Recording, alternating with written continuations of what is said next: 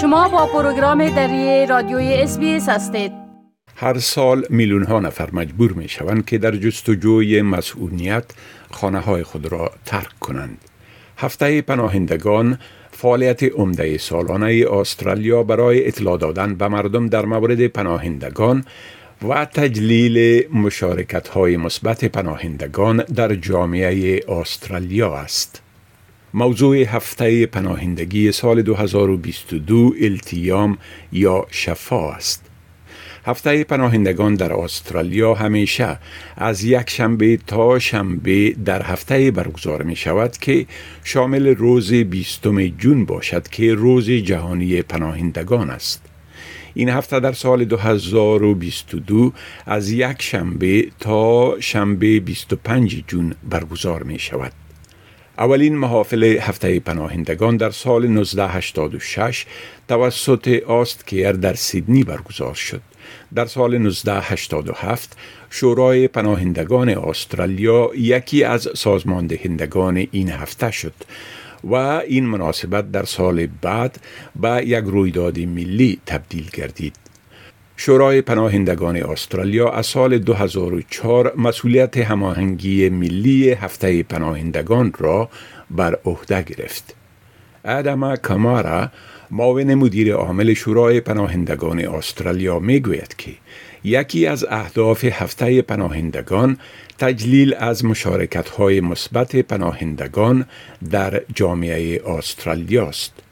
Um, it's really an opportunity to, to provide positive images of refugee communities across Australia, the contributions, and also for communities to think about how they can welcome refugees into their community and how they can make their communities safe for refugees. Um, the overall aim is for us to have better understanding between refugee communities and non refugee communities, also be more welcoming of each other.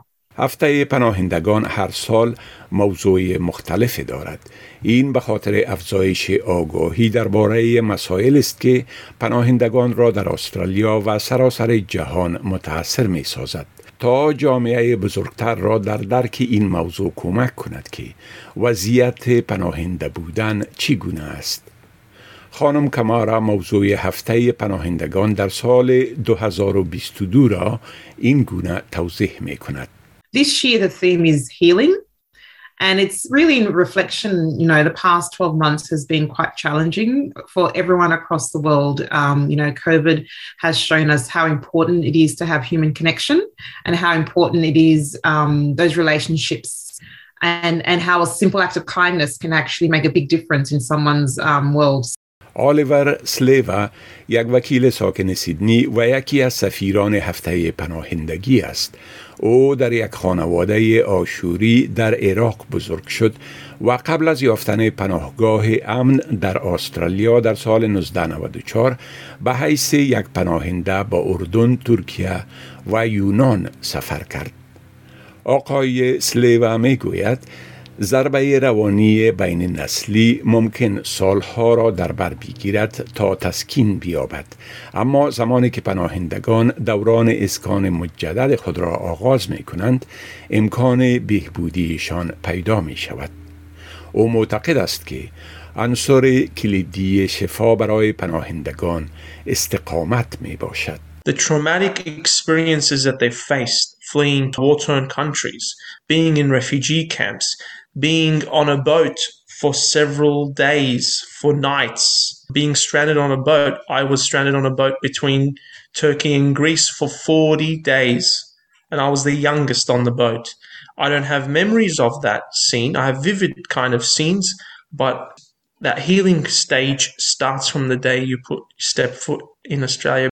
موضوع شفا همچنان جوامع عمومی و پناهندگان را تشویق می کند تا از به اشتراک گذاشتن سختی های مشترک برای شفا و التیام استفاده کنند.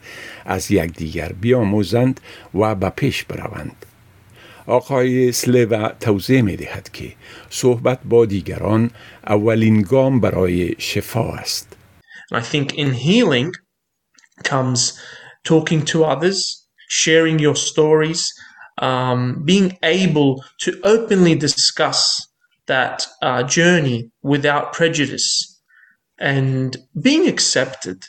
is what it comes down to. Being accepted, acknowledged, and respected, I think, helps the healing process. And all this comes about through that one person having resilience to be able to do everything.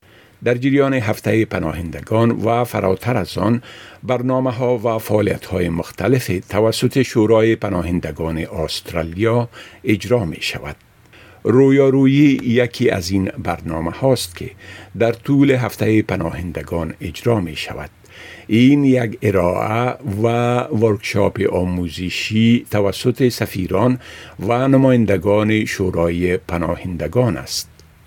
سخنرانان از پناهندگان داستانهای شخصی سفر خود به سوی مسئولیت را به اشتراک می‌گذارند و به متعلمین این فرصت را می دهند تا در مورد پناهندگان تجربه ها و مشارکت آنها در استرالیا بیاموزند. آقای سلی و اهمیت این برنامه را این گونه توضیح می دهد. and as part of the face to face program through Refugee Council of Australia during Refugee Week and before Refugee Week and after Refugee Week, it plays an important role to be that kind of vehicle to share the important information on settlement, the important aspect of how refugees contribute, the positive contributions, the successful stories that many refugees have brought to Australia. ارائه معلومات برای متعلمین ابتدایی و متوسطه معلمان و گروه های علاقمند ترریزی شده است. ادم کمارا معاون مدیر عامل شورای پناهندگان استرالیا می گوید هدف از این فعالیت ها از بین بردن تصورات نادرست درباره پناهندگان است. it's really a chance. Um, the resource kit's a chance for people to actually read, find accurate information, um, and then start asking questions anytime they hear something. Going, is that true? Is that not? And that inquisitive mind is really what we're wanting to to to trigger through Refugee Week activities. در دهه گذشته تعداد مردم آواره شده از خانه هایشان دو برابر شده از 41 میلیون به 82.4 میلیون تن رسیده است. طبق گزارش صلیب سرخ در حال حاضر از هر 95 نفر یک نفر به اجبار آواره می شود که با تناسب سال 2010 که از هر 159 نفر یک نفر بود افزایش یافته است و میزان بیجا شدن جهانی در حال حاضر از رشد جمعیت فراتر رفته است خانم کمارا می گوید که شورای پناهندگان استرالیا حکومت را تشویق می کند تا پذیرش سالانه پناهندگان را تحت برنامه بشردوستانه خود افزایش بدهد. But currently, it's 13,750 people that can come through um, through humanitarian program every year. We believe that number can be higher. Australia's done it before. We've had over 20,000 people and we're actually asking the government to increase that number because it's possible. We've done it before, we've been able to do it successfully. شورای پناهندگان استرالیا علاوه بر این از حکومت می خواهد که آن دسته از پناهندگان و پناهجویان را که دارای ویزاهای حفاظتی موقت هستند مسکن گزین بسازد.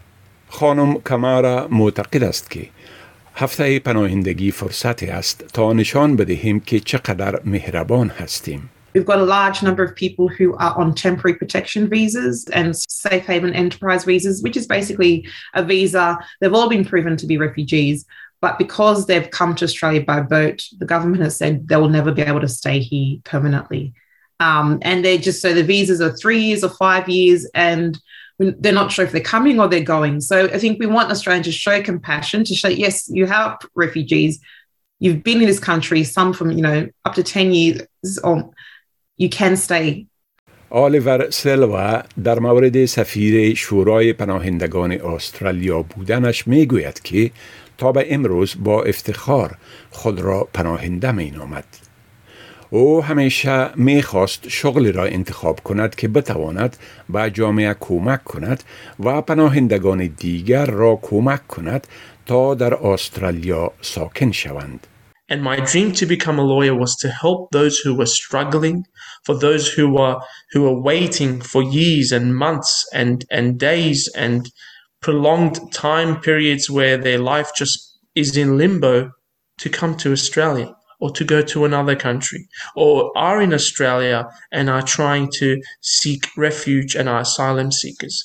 So in a way that I wanted to give back was in a humanitarian way, it was an illegal aspect. برای معلومات بیشتر درباره هفته پناهندگان refugeeweek.org.eu را ببینید. می خواهید این گناه گزارش ها را بیشتر بشنوید؟ با این گزارشات از طریق Apple Podcast، Google Podcast، Spotify و یا هر جایی که پادکاستتان را می گیرید گوش دهید.